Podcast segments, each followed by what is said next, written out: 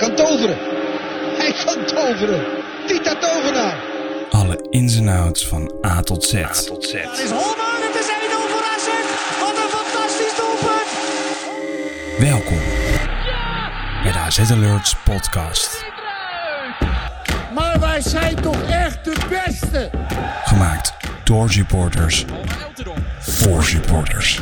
Eltidoor Beste AZ'en, welkom terug bij een nieuwe aflevering van de AZ Alerts podcast. We beginnen zoals gewoonlijk met eh, donaties en dat zijn er een hoop. Er is echt een geldschip binnengekomen van je welste met aan het roer Mike Goedhart 50 euro, Jim Anneveld met 50 euro en Tijmen de Vries met 10 euro. Heel erg bedankt mannen. AZ begon zondagmiddag aan een loodzwaar tweeluik. Eerst werd er thuis tegen Feyenoord voor de competitie gespeeld. Morgen moeten we op bezoek in de Kuip om hopelijk door te bekeren en daarmee direct een serieuze stap richting bekerwinst te zetten. Feyenoord leek niet het Feyenoord dat we onder slot kennen. De eerste 15 minuten maakte het verschil voor de Rotterdammers, die via een rebound uit een ingestudeerde vrije trap de 0-1 maakten. Ondanks dat AZ goed speelde, werd er te weinig gecreëerd of geanticipeerd, waardoor Feyenoord met de drie punten terug de bus inging. Ondanks het verlies weet ik zeker dat de gemiddelde AZ er voor het volgende scenario tekent. Zondag verlies en woensdag winst. En zoals het gezegde luidt, een slechte generale voorspelt een goede première. Ja, ehm, we gaan beginnen met eh, Feyenoord thuis. En eh, Walter, ik ben benieuwd, wat voor gevoel heb je aan die pot overgehouden? Ja, volgens mij eh heerst het gevoel bij, bij veel AZ-supporters... is dat er een best wel goed gevoel aan, aan is overgehouden. En dat is best wel raar, want je verliest. weliswaar ook van een concurrent. En je verliest ook zicht op Twente. Ajax dat, eh, dat, dat, dat er aankomt. Eh, dus in dat opzicht is het natuurlijk een hele slechte middag. Maar de manier van spelen, eh, waarin heel hoog druk wordt gezet... en het enthousiasme en de hoop weer een klein beetje terug is eh, bij de supporter... Eh, dat overheerste eerlijk gezegd. Eh, ja, dus eigenlijk eh, wel vrij positief. Ja, Anthony, heb je nog wat te zeggen of eh, hou je bek? Ja, ik sluit me helemaal bij aan. Het, eh, tuurlijk, de concurrenten eh, die lopen uit of in. Ajax staat momenteel gelijk met ons. Maar het spel daar word je echt als supporter enthousiast van. En dat zag je ook neerslaan in de sfeer in het stadion. Want het was een, eh nou grimmige sfeer wil ik niet zeggen, maar het was een eh, enthousiaste sfeer. Iedereen had er zin in en Ja. was heel energiek op de tribune. Ja, zeker. Ik vond het Feyenoord... Ja, kijk, wij zitten natuurlijk op de bandside. Hè, dus het is altijd wel een beetje lastig om dan in te schatten wie nou het meeste lawaai maakt.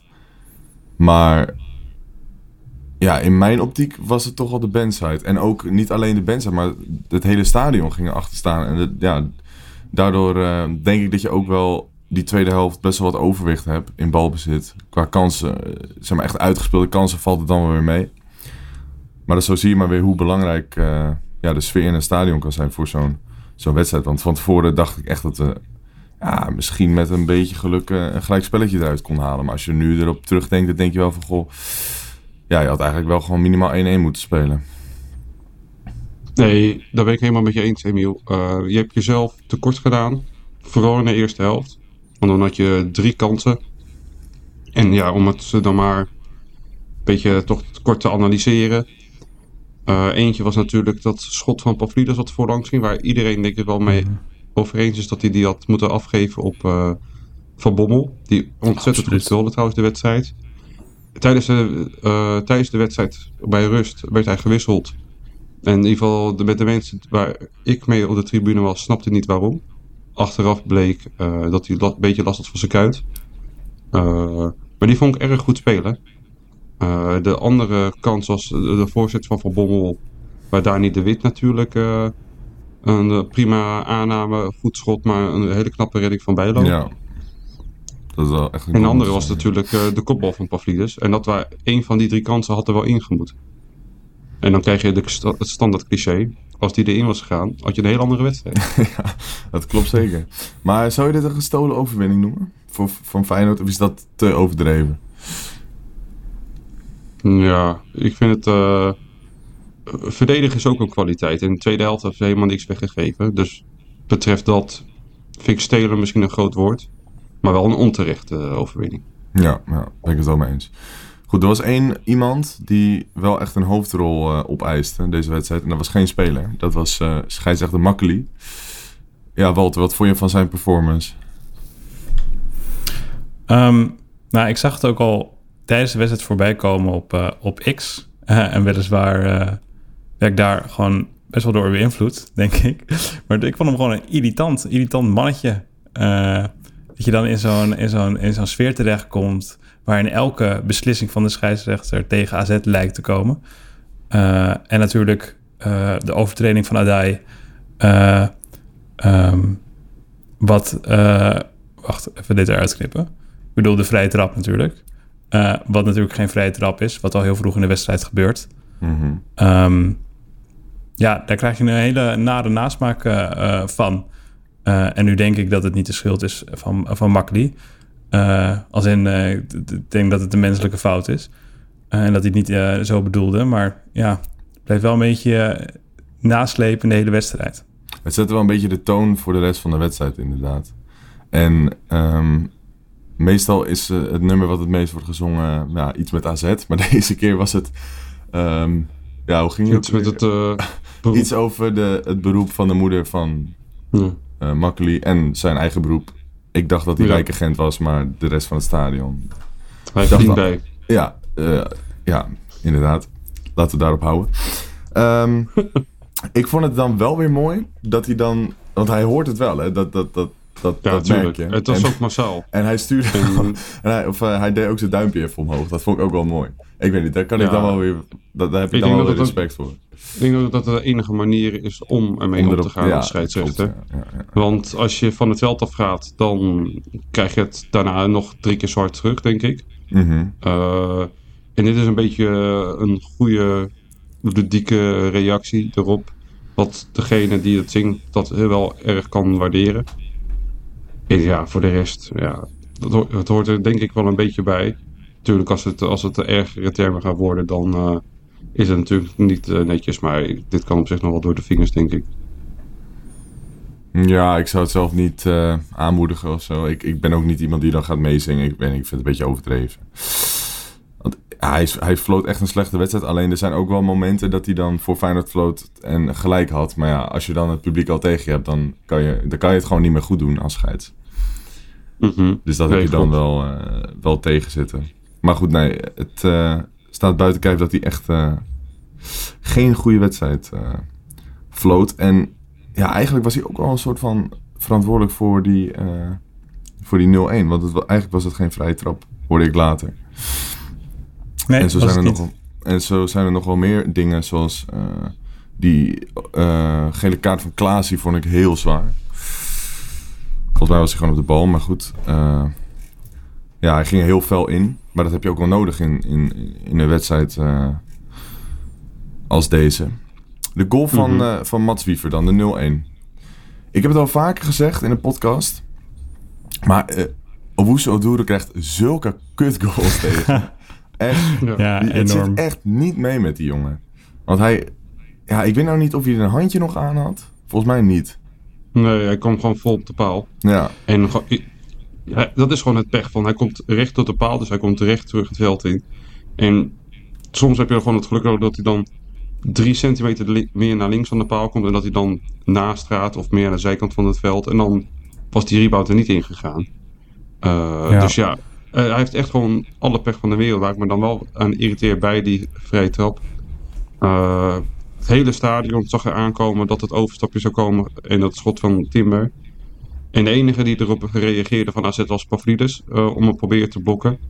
Ja, het was zo obvious dat dit zou gebeuren. Ja, dat ik bijzonder dat het schot niet geblokt eh, kan worden. En ook überhaupt het laksheid van inlopen vind ik wel eh, matig. Want naast Diever waren er nog vijf andere Feyenoorders die hem eh, anders in kon te tikken. Dus dat is wel een aardig Ja. puntje. Denk je dat eh, Matthew Ryan weer gaat spelen? Of dat uh, Owusu nog gewoon een kans krijgt? Komende wedstrijden. Uh, Rijn gaat spelen. Ja. Ja? Ja, Ja, dat... eh, ja, sorry, dat weet ik al. ja het is... Het is, je best Het is- het is mogen naar de mogen lijn- zeggen. het is naar de lijn van verwachting natuurlijk. Ja. Oké, Ja. bij deze primeurtje, Ryan die gaat dan weer keeper. En Ja. eh, dan is het, lijkt mij de bedoeling dat hij dan gewoon tot het einde van het seizoen keept als hij eh, het goed blijft doen. En dan eh Owusu Oduro. Ja, dat Ja. lijkt me een hele rationele keuze. Toch is het jammer. Ik bedoel, Ik vind het, denk dat elke AZ'er dat graag ziet eh, om uh, Owusu al eerste keeper te zien. Ja. Ik eh, wil onze concurrerende collega's van een andere podcast ook eventjes eh, aanhalen. Bij eh de AZ-podcast van Noord-Hollands Dagblad. Eh, en die omschreven het wel mooi van... Inderdaad, de AZ-supporters willen het liefst Romee. Maar het, wordt, het moet toch wel ook weer rijden worden vanwege zijn ervaring of zo. Je, je kan Rijn niet echt op de bank zetten. Dat is een beetje het probleem. Precies, dus het is een beetje lastig. eh, het is een lastig. eh, kwa- Kwalitatief is misschien rijden misschien 3 of 4 procent beter. Dat komt denk ik ook deels wel door zijn ervaring. Mhm. Maar dit is, dit, het is een lastig moment, want je hebt niet vaak de kans om iemand uit de jeugd door te stromen. En nu, vanwege de Asia Cup, kon dat. En dan is het vaak Ja. het moment om te laten staan. Maar Rijn is echt weer te goed voor de bank. Dat zou hij never nooit accepteren. Ja. Maar Helemaal niet na dat gedoe met het eh, gym-incident. Waar hij niks aan kan doen. Dus ja, ik denk dat het gewoon eh, rijden wordt. Ik weet dat het rijden wordt. En dan eh Rome vanaf de zomer. Maar stel dat ehm Owusu Oduro alleen maar clean sheets had gehaald. En echt fantastisch keepte. Was het dan alsnog gebeurd, denk je? Of heeft het ook wel een beetje met vorm te maken? Oké. Ik denk dat, het ook, eh, dat, het- dat je het eh, heel lastig niet kan doen voor als je zo'n speler haalt. Ja. Dit is gewoon, gewoon bij contract ondertekening afgesproken, anderhalf jaar, basisspeler, dan misschien Mhm. wel eventueel langer als onze jeugdkeeper nog niet goed genoeg is. Nou, dat is hij wel. Dan moet de andere spelen, na anderhalf jaar. Ik denk dat dat wel een beetje is eh, toebedeeld. Want hij heeft eh, volgens mij drie Eredivisie-wedstrijden gespeeld, toch? En één Mhm. bekerwedstrijd. Wat, hoe, hoe, hoe heeft hij het gedaan eigenlijk? Ik hoor hele wisselende signalen eigenlijk. Hij is heel goed aan de bal. Hij heeft natuurlijk wel vervelende goals gekregen. goed aan de bal. Dat is wel één ding wat iedereen ziet. Maar wat is jullie indruk? Ja, ik, ik, ik vind... eh, ik, ik zie gewoon enorme potentie in die jongen. Misschien zelfs als middenvelder. hoe, hij, hoe hij met een bal omgaat. En ook eh, zondag weer. Ik kap die gewoon even Jiménez uit. Ah, dat is, dat is Ja, dat is een En hij- fantastisch En moment. hij, hij legt ze heerlijk, eh, legt hij ze achter die ehm, drukkende linie van, van Feyenoord. Ja, hij is gewoon geweldig in, in de passing. Alleen ja, zoals ik al eerder zei eh, deze podcast. Hij krijgt echt gewoon kutgoals tegen. En het zijn ook goals waar hij in mijn optiek niet heel veel meer aan kan doen. Bijvoorbeeld tegen Heerenveen ook. Ja, dan krijg je een bal eh, tegen die eh, van richting wordt veranderd. Wat uiteindelijk een eigen doelpunt was van Klaasie, geloof ik. En daarna ook gewoon een intikketje waar je helemaal niks aan kan doen. En tegen Feyenoord ook, ja, dan komt die bal op de paal en dan komt hij weer perfect in de voeten van Wiever. Ja, wat, wat kan je dan daar nou aan doen als keeper? Maar als je dan naar de statistieken kijkt, dan zie je wel van ja, hij heeft geen enkele clean sheet gehoud- gehouden. En dat, dat is uiteindelijk wel waar je op wordt beoordeeld, denk ik, als keeper. Of je ballen of, of je doelpunten tegenhoudt of niet. Ja, in, in zijn geval is dat, hoewel met veel pech, ja, is dat wel zo. Dus ja, ik ben persoonlijk heel erg fan van hem. Maar ik snap wel dat, ja, dat je Ryan nu niet opeens op de bank kan zetten. Eh, Nee. Nee, ik denk dat ook gewoon voor de sfeer in de selectie beter is. En je het ook makkelijker kan maken naar een Romee. Ja, En het, eh, natuurlijk blijft het nooit leuk zo'n beslissing, maar eh, zo'n jongen, je loopt nu momenteel ook niet in een heel goed draaiend elftal.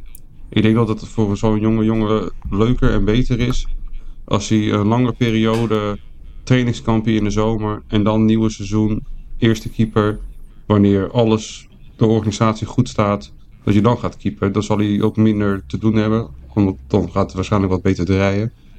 Ik denk dat dat voor zo'n jonge keeper wel beter is. ja, ja, eens. Ja. Over eh, jeugdtalentjes gesproken. Wij zagen het basisdebuut, geloof ik, van eh Jaden Adai tegen Feyenoord. En eh, ja, ik had er toch wel iets meer van verwacht, moet ik zeggen. Natuurlijk Mhm. is het een, een moeilijke wedstrijd om echt je stempel te drukken als, als jeugdtalent. En, eh, als je tegen Feyenoord eh, thuis speelt. Maar ik vond hem ook, ja, hij werd echt gewoon overklast door Hartman. Hij kwam veel in de bal. En, en dan werd hij aangespeeld door... Jezus. Penetra, sorry. Ehm, en dan dacht hij eigenlijk de hele tijd van, oh, deze heb ik wel. Maar Hartman die kwam er gewoon feller in. En die won eigenlijk 9 van de 10 keer dat duel. En ja, dat vond ik toch wel jammer om te zien. Omdat Adai wel die duelkracht heeft om dat te winnen. Ik vond hem, ik vond hem gewoon niet scherp. Ik vond dat niet altijd hoe, wel, eh, moet ik zeggen. Want eh, hij had ook een duel met Jurien Timber, waar die, die een schouderdeal deal ga- geef, gaf. En eh Jurien Timber lag eh, drie meter verderop. Dus dat fys- en die Timber staat bekend om zijn fysiekheid. Dat vond ik wel erg knap eh, dat hij dat duel winde. eh, Won. En eh, daarnaast, qua tackles, heeft hij, hoe heet het, alles gewonnen. Eh grondduels 50-50 precies, dus dat is gewoon netjes. En alle luchtduels heeft hij gewonnen. Dus nee, ik vond hem echt wel prima spelen. En Hartman zat er inderdaad best wel een paar keer goed tussen. Maar dat is ook wel Hartman's kwaliteit. Dat net iets eerder voor de bal zijn dan zijn tegenstander. Dus voor een baasdebuut was ik eh, zeer tevreden. Oké. Nou, ik heb er toch wel een beetje een andere mening over. Want eh, hij heeft dan volgens die statistieken niet heel veel duels verloren. Maar ik vond dat het wel hele belangrijke duels waren. Omdat als je die bal mist, ja, Feyenoord die kreeg gewoon direct een counter. En dat, ja, je moet natuurlijk Ja, wel... vanaf die positie waar hij de bal krijgt, dan heb je als het goed is nog eh, minimaal acht man achter de bal. Eh, dus dat risico in het spel moet je ook wel leggen, want soms lukt het wel. En dan is het wel een gevaarlijk moment, à la het moment met eh Wiever, waar, Wiever met eh Saruki, die eigenlijk een gele kaart had moeten krijgen. Ja. En ook een paar keer in de combinatie werd hij goed we- weggestoken. Dus nee, ik vond prima spelen. En ook een paar voorzetten die dan net niet aankwamen. Of de voorzet die wel aankwam, maar het vervolg daarna weer niet helemaal goed was. Eh, dus nee, dit smaakt naar mijn mening wel naar meer. Ja. Laatste puntje dan. Ehm, er was e- ook nog een ander debuut natuurlijk. En dat is iemand die eh, heel recentelijk over is gekomen van FC Volendam. Dat is Le- Lequincio Zeefuik, excuus. ja, ik moet eerlijk zeggen, ik heb echt wel genoten hoor, van, eh, van zijn debuut. Het is echt een beest van een kerel. Bizar. Hij is veel Die- langer dan ik dacht. Ja, ik dacht dus dat hij Enorm 1,92 was, maar hij is 1,97. Dat is niet normaal. En volgens mij is hij ook nog snel en hij heeft een goed schot. Ja. En hij is best wel technisch. Ja, Anthony is geen fan van hem, dat weet ik. Nou, Maar ik, ik weet niet hoor. of... Ik was eh, in de wedstrijd vond ik hem eh, prima. Vooraf was ik inderdaad geen fan. Eh, maar nee, viel prima in. En dat schot wat hij had, waar hij ook in duel was met Saruki, die die goed van hem afhield, was gewoon knap gedaan. Ja, Eh, Ook een paar keer doorkoppen. En hij was lastig in de 16. Ook een keertje waar bijna een rebound uitkwam, stond hij wel op de goede positie als de, de bal daar zou komen. Dus nee, eh, prima debuut denk ik. Eh, heel veel meer dan dat kon hij denk ik niet doen. In de minuten die hij kreeg. Dus daarom ook wel interessant dat we hem ook hebben benoemd voor de stelling van de week. Maar daar komen we denk ik zo wel op terug. Ja, dat Ja. is inderdaad het bruggetje. Maar ik ga eerst even... Maar hij heeft, eh, hij heeft natuurlijk het ongeluk eh, gehad. Of nou, ongeluk is een heel groot woord. Misschien maak ik het ook wel veel groter. Maar menig AZ-supporter hoopte natuurlijk dat Boadu, die naar Twente is gegaan... mhm. eh, toch nog last midden naar AZ zou gaan. Mhm. Ehm, en eh, ja, eh Boadu, goede spits. Eh oud AZ'er natuurlijk. Dan eh, is Zeewijk natuurlijk een kleinere naam. Eh, dat klopt. Maar volgens mij gaat het gewoon hartstikke goed doen. Ja, hij is nog denk ik hartstikke jong. En dat is eh, er er valt nog genoeg te polijsten. En dat weet hij denk ik zelf ook wel. Die jongen is 19 jaar jong. Dus eh, alle tijd denk ik nog om er een eh, mooie diamant van te maken. Ja. Toen hij erin kwam en hij ging naast Trauner staan. Trauner die, die leek echt gewoon op een boskabouter. Dat was echt dat lijkt bizar. altijd. Ja, nee, dat klopt. Maar nu ook, nu, ook, nu ook qua lengte, zeg maar. Het was echt... Ja, het was echt... eh, ik zei tegen een maat die naast me stond van... eh, toen Zeefuik het veld opkom, je voelde gewoon het stadion trillen met elke stap die hij zette. dat was echt... eh, ja, er staat wel even iemand, zeg maar. Beetje een soort... Ja, nee, die vergelijking ga ik niet maken. Maar goed. Ehm, ja, onze stelling van de week, die gaat ook over... over dit onderwerp. En dat is eigenlijk met betrekking tot morgen. Mhm. Pavlidis is namelijk geschorst en die kan dus niet meedoen tegen Feyenoord. Ja. En dat is heel zonde. Maar ja, dan heb je wel een, een vervangende spits nodig. Dus de stelling van de week luidt... Zeefuik moet de geschorste Pavlidis vervangen. Dat hebben we Mhm. natuurlijk weer op de socials gezet. Er zijn heel veel reacties opgekomen. En eh, die gaan we even met jullie doornemen. Ik Mag heb ik trouwens beginnen met het, maar met het Ja, feit dat... Waarom wist, waarom wist niemand dit? ik wist het pas een paar dagen van tevoren. Eh, Dat het Pavlidis En ik heb me- bedoel je? ja, ja. Ja, dat kwam wel vrij uit het niets inderdaad. Ja. Eh, volgens mij kwam... Het, ik, wij kregen opeens een DM binnen op, eh, eh, op Instagram van... Volgens mij is Pavlidis geschorst. En een uurtje later zag ik het volgens mij voorbij komen bij eh, de collega's van Noord-Hollands Dagblad. Eh, die bevestigden dat, zeg maar. En dat bleek inderdaad wat te zijn, want hij had een gele kaart tegen HGC en tegen Quick Boys. Maar nergens gelezen of na die wedstrijd van eh, Nee. Quick Boys van volgende wedstrijd dan mis je de spits. eh.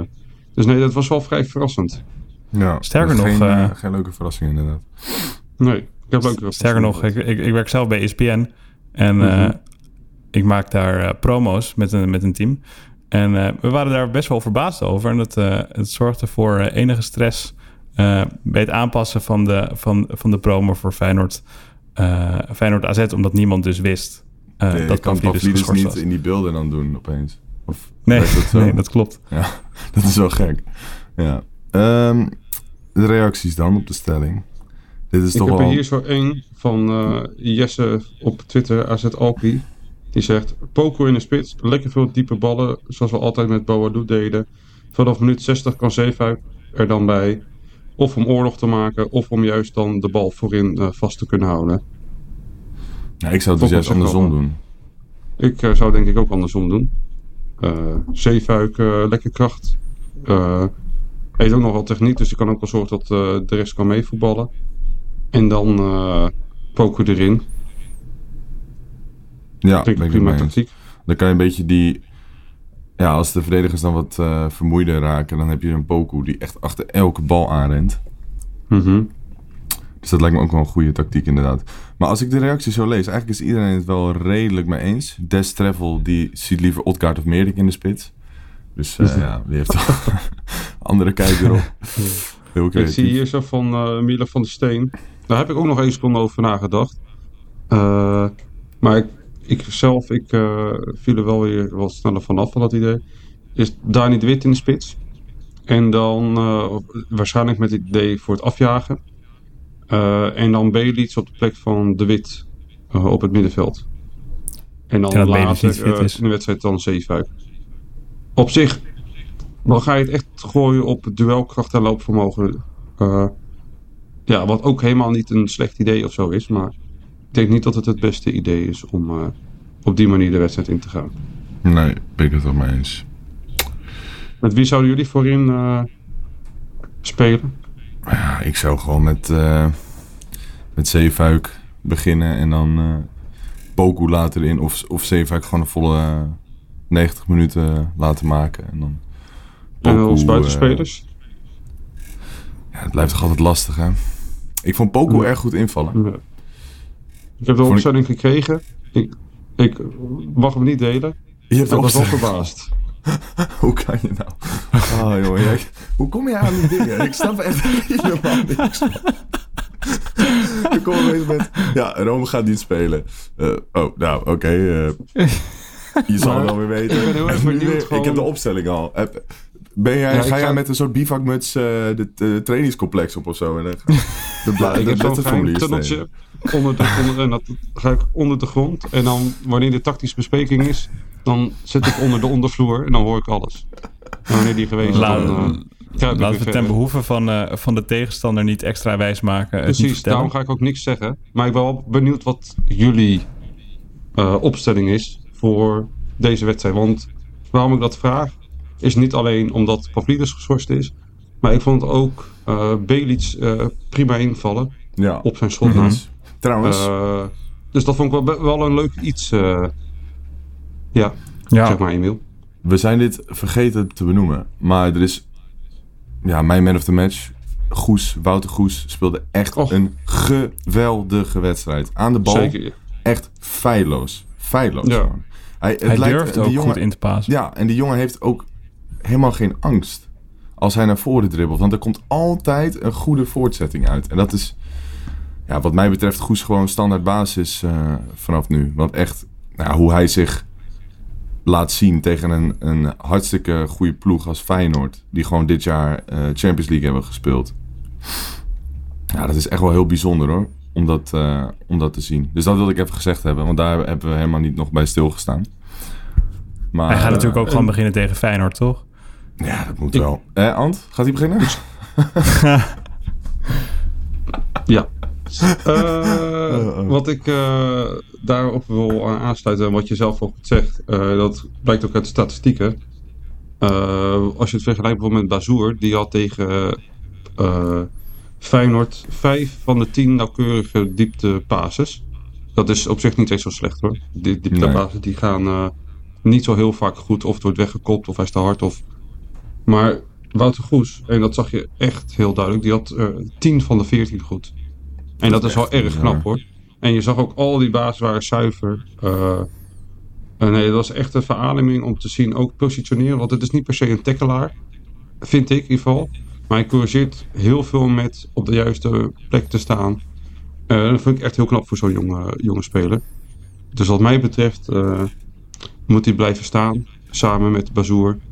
En dan eh, is het voor BMI helaas tijd om vanaf nu de wedstrijden als eh, wissel door te brengen. En dan al een ander vraagje voor jullie. Eh, Yuki, die is terug van de Asia Cup. Zou die, die, die, die eh, als rechtsback neerzetten? Ja. Meteen? Nou, ja, Ja. ik denk het wel. Hij heeft in principe toch wel eh wedstrijdritme. Ja. Nou, hij heeft wel veel op de bank gezeten, geloof ik. Maar hij zit nog wel ja, in, de, in dat ritme. En eh, hij is eigenlijk de enige e- echt goede rechtsback die we hebben natuurlijk.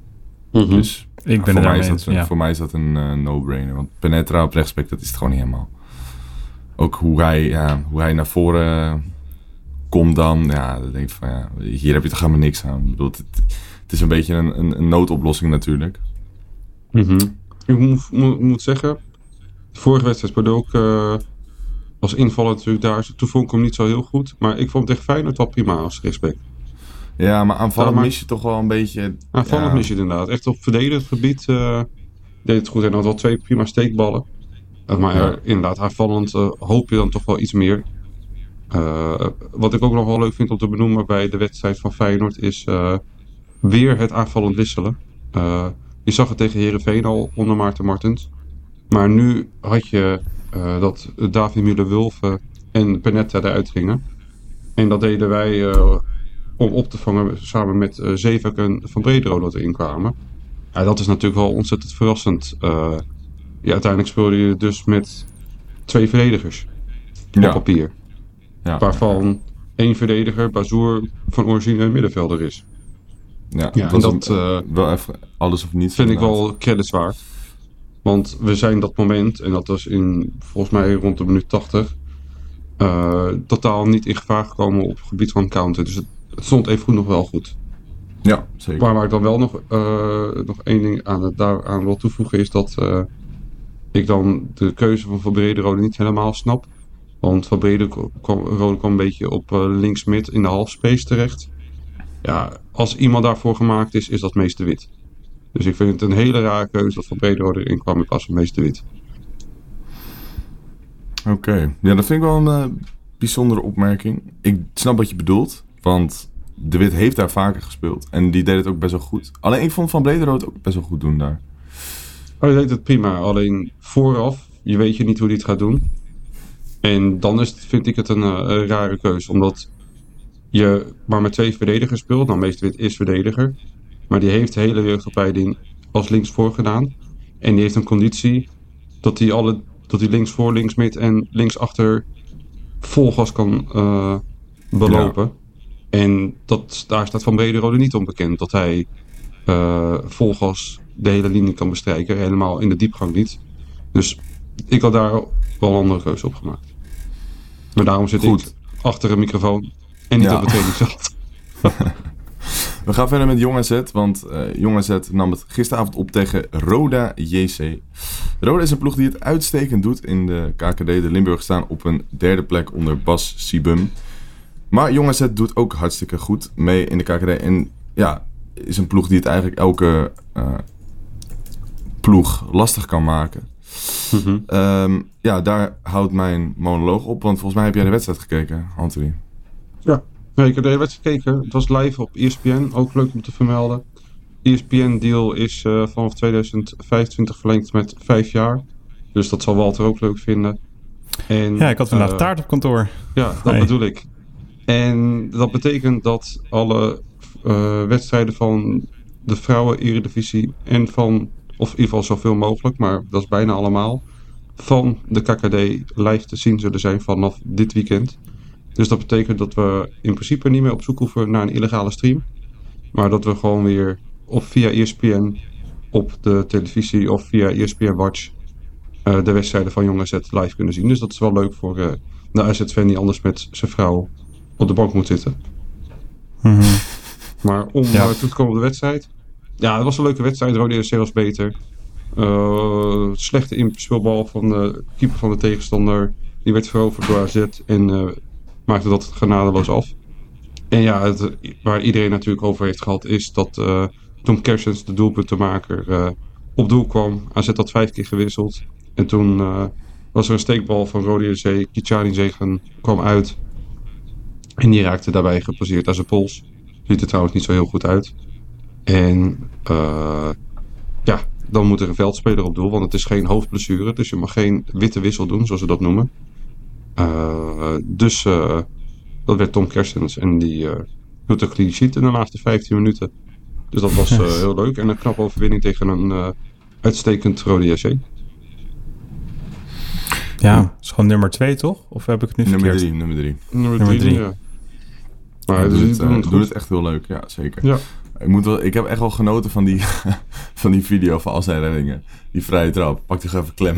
dat is toch ja. niet. Maar dat is ook wel mooi. Dat, uh, nou, bij zijn eerste uittrap, dat trapt hij vol in de grond en was hij geblesseerd aan zijn voet.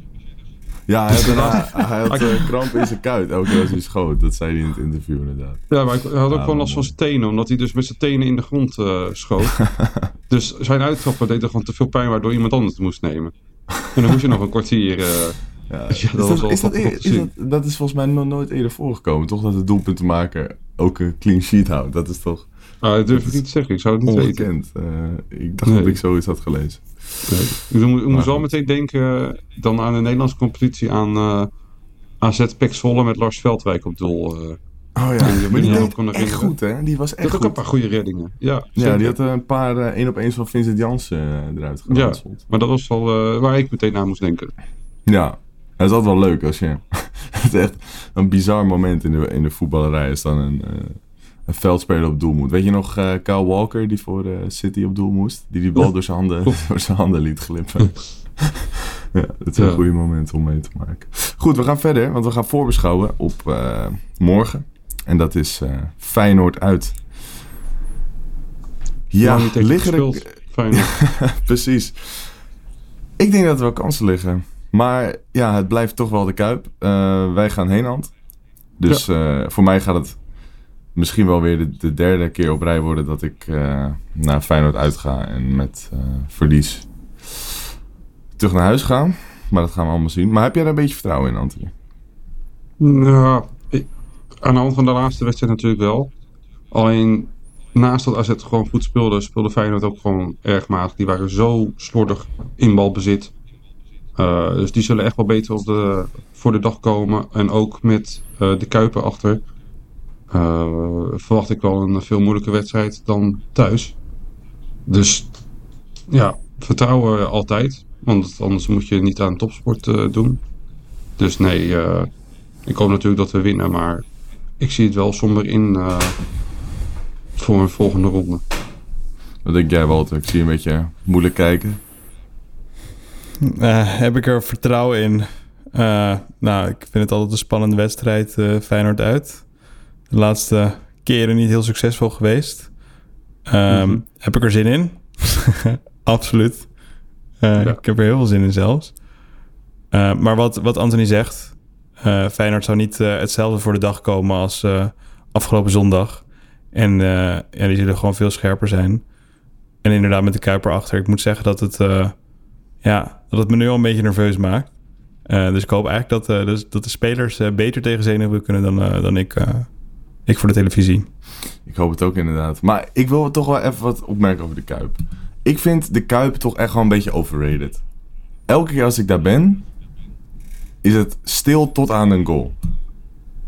Ja, de Kuip is... mm, Ik wil niet, eh, want veel Feyenoorders gaan ook deze podcast beluisteren... omdat ze nieuwsgierig zijn van wat wij ervan vinden. Oh ja, Eh, kut.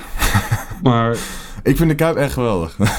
nee, de Kuip eh, is niet meer de Kuip zoals het was. Maar als het gaat kolken, dan is Ja, het wel nee, echt een heerlijk eh, stadion. Alleen ja, dan, dat de is de, ho- ma- de magie van de de- Kuip inderdaad. Ja, maar de hoeveelheid en hoe vaak het gaat kolken, dat is wel minder dan vorig jaar. Met elkaar sfeeracties is het gewoon eh, super tof. En ik kan me volgens mij, ja, dat was volgens mij vorig jaar toen we verloren in de laatste minuut. We kwamen eh 1-0 voor, het eigen doelpunt Dilgerson. Kopte hem eh, fantastisch binnen. Eh, en uiteindelijk voor 2-1 door een verrichting van het schot op de hak van Jesper Karlsson. Eh, van, maar die eh, opkomst daar zo eh, was toen echt grandioos met al het vuurwerk en alles. Dus dat was wel heel vet. ja, dat was een hele vette, vette ja. wedstrijd inderdaad. Maar nee, het, is gewoon, het is gewoon altijd lastig in de Kuip. En het lastige van deze wedstrijd is omdat het nu twee keer kort op elkaar is. Arne Slot heeft de tactiek nu gezien van Maarten Martens. Je hebt de spelers eh, hebben kort op elkaar gezien, dus ze weten precies wat, waar ze goed in zijn en waar ze niet in goed zijn. Ja, het lijkt me heel lastig ook om nu weer een soort van ta- tactische keuze aan te passen. Kom je met dezelfde spelers, maar ga je tactiek aanpassen? Ga je dezelfde tactiek doen, maar dan met andere spelers? Het is wel een eh, leuke puzzel voor beide trainers. Ja, en jij weet al Even ongeveer iets, hoe de eh, puzzel eruit komt te zien. Ja, Ja, we winnen 3-0 jongens. Maar, Nee, als maar- je- ja, zo. ik ben, eh, ik ben voetballend eh, technisch een stuk minder onder, onderlegd dan jullie. Ja. Eh, en eh, je hebt het nu over, over de tactiek van Martens. Maar eh, kijk, ik zie als voetbalsupporter zitten druk. En het plezier is terug en spelen aanvallend. Maar hoe Mhm. zou je de tactiek van Martens omschrijven eigenlijk?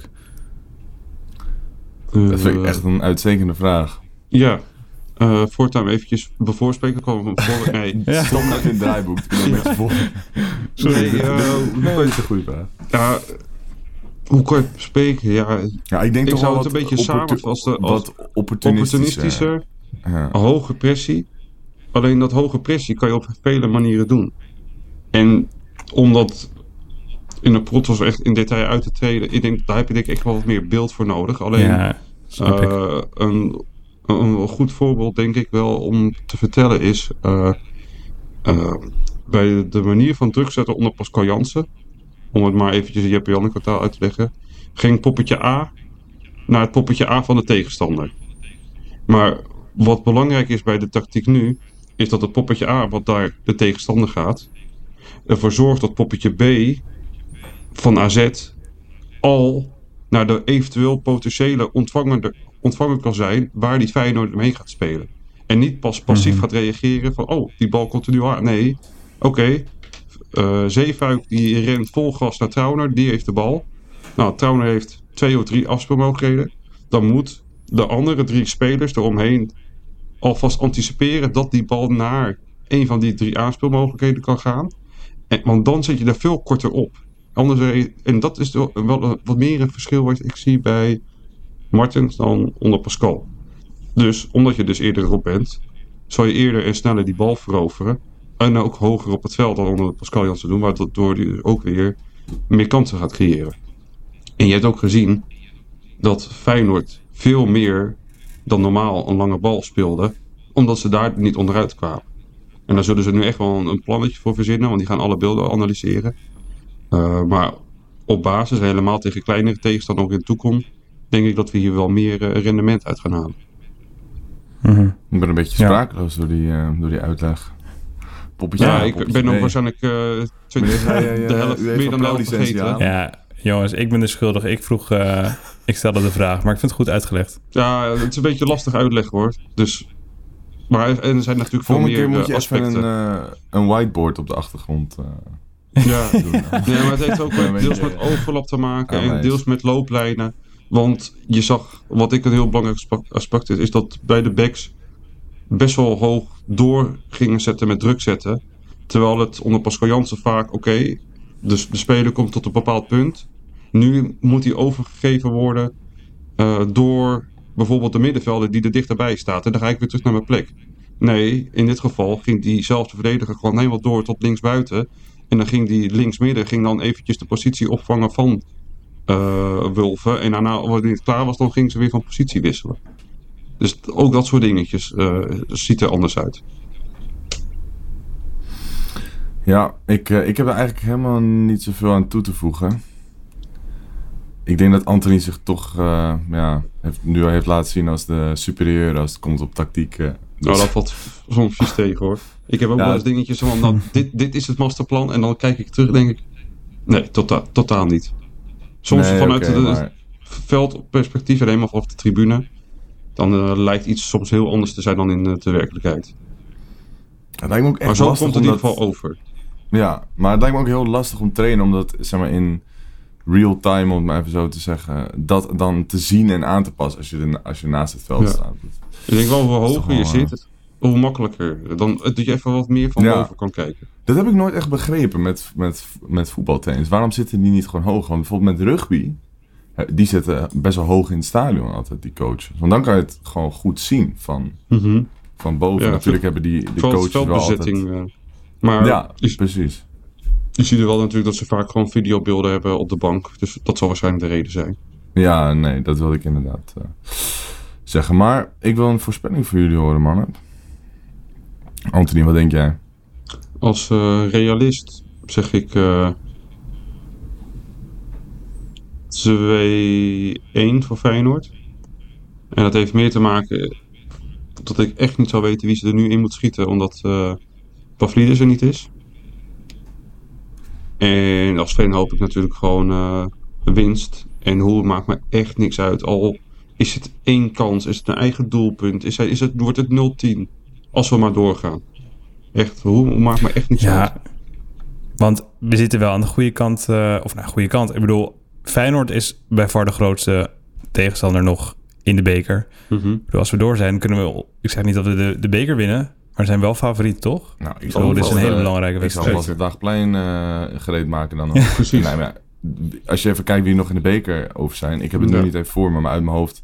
Je hebt NEC. Groningen, Fortuna Sittard, ADO, dacht ik. NEC. Mhm.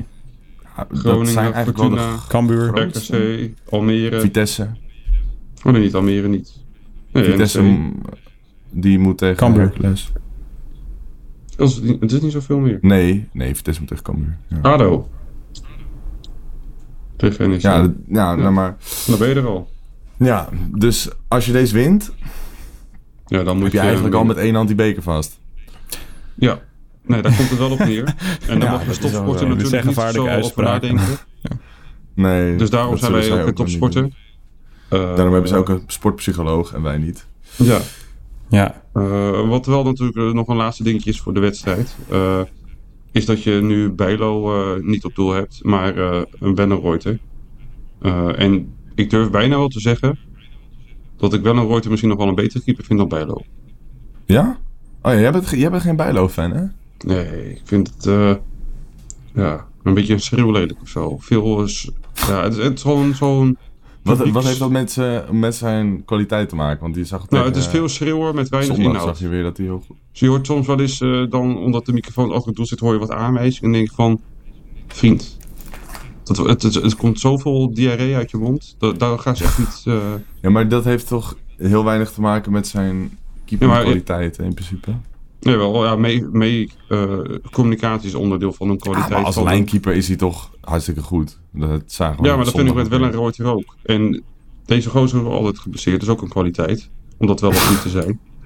Ah, het wel, wel sneu hoor. Ja, het is heel om- Je gunt te natuurlijk niemand de blessure. Behalve Justin... Nee, dat zag je op Twitter Oh, heel veel ik- reageren. Dat kan natuurlijk niet. Dat zag je op social media. Oh, Nee, je gunt natuurlijk niemand de blessure.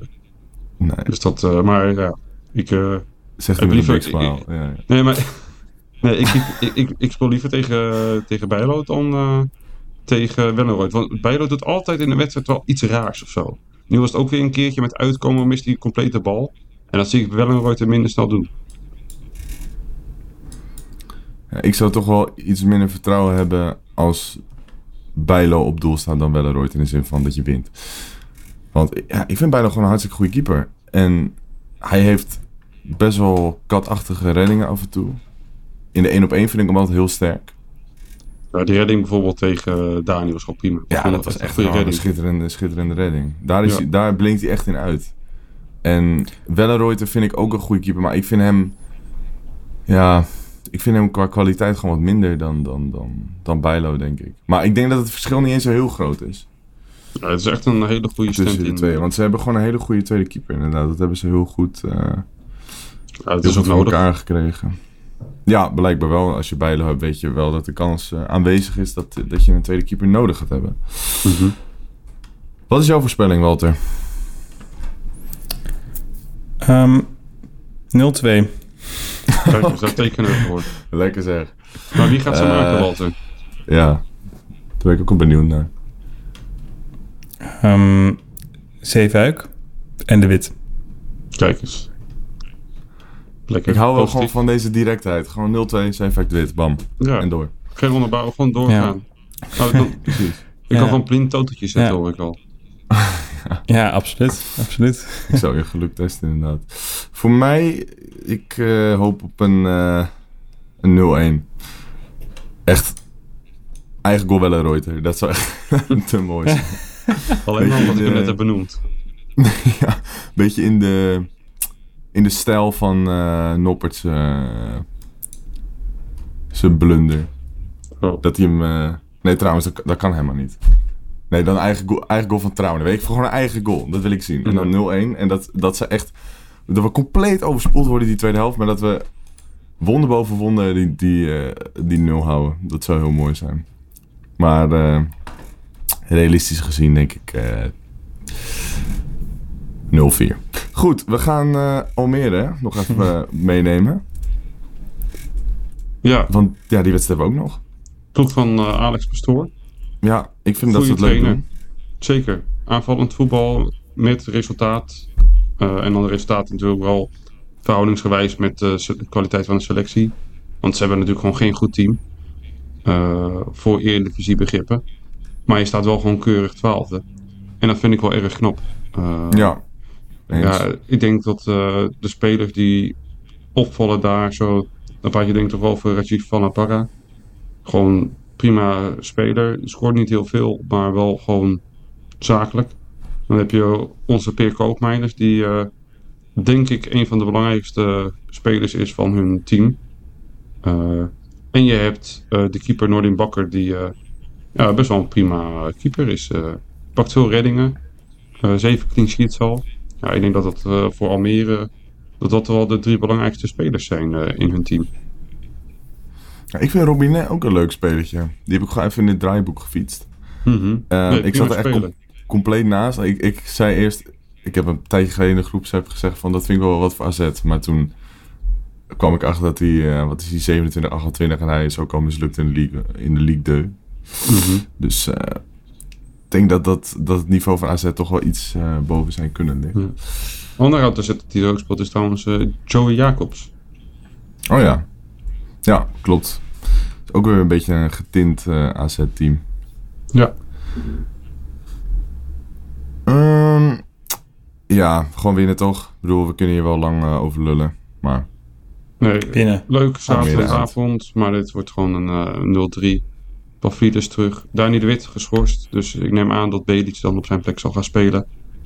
Eh, Vlie- eh, de Wit geschorst vanwege 50 gele kaart trouwens. Eh, dus nee, ik denk eh, leuke wedstrijd. heb jij nog een eh, specifieke voorspelling, Walter? Of... Nou, ik denk dat het een best wel lastige wedstrijd gaat worden, eerlijk gezegd. Oké. Ik verwacht een ehm, Almere die er volop gaat. En ik denk als je 1-0 wint, dat je gewoon, of 0-1 bedoel ik, dat je, dat je gewoon blij mag zijn. Die wedstrijd moet je gewoon winnen zakelijk. Eh, zakelijk. Ja, nee, ik verwacht, gewoon- ik Ik verwacht vind gewoon best wel 0 een ik vind 0-1 wedstrijd. niet echt zakelijk. Ik vind 0 0-2 vind ik eh, de definitie van een zakelijke overwinning. Ja. 0-3. Ik ben blij als we, als we 0-1 winnen. Gewoon, Laat gewoon, ik het gewoon drie punten. Ja, Het, het wordt tijd om punten te pakken en eh, hoe maakt niet uit. Ja, inderdaad. eigenlijk, tenminste, hoe maakt wel uit. Dat is gewoon de manier zoals we afgelopen zondag hebben gezien tegen Feyenoord. Eh, maar ik heb alle vertrouwen in dat we dat nu gaan omzetten naar drie punten. Ja. Oké, dan eh, zijn we alweer bij het einde aangekomen. Voordat ik eh, de auto ga doen, nog even de Scorito. En dat is volgens mij nog steeds niet veranderd. Milan AZ op 1, Wessel Dogger op 2 en JV Velsen op 3. Goed, dan wil ik jullie bedanken voor het luisteren naar deze aflevering van de AZ Alerts podcast. Volg ze even op Instagram en X, Alerts, om niks van het laatste AZ nieuws te missen. Doneren kan natuurlijk via de link in de X-bio. En dan zeg ik op naar de Victorie. victorie. Victorie.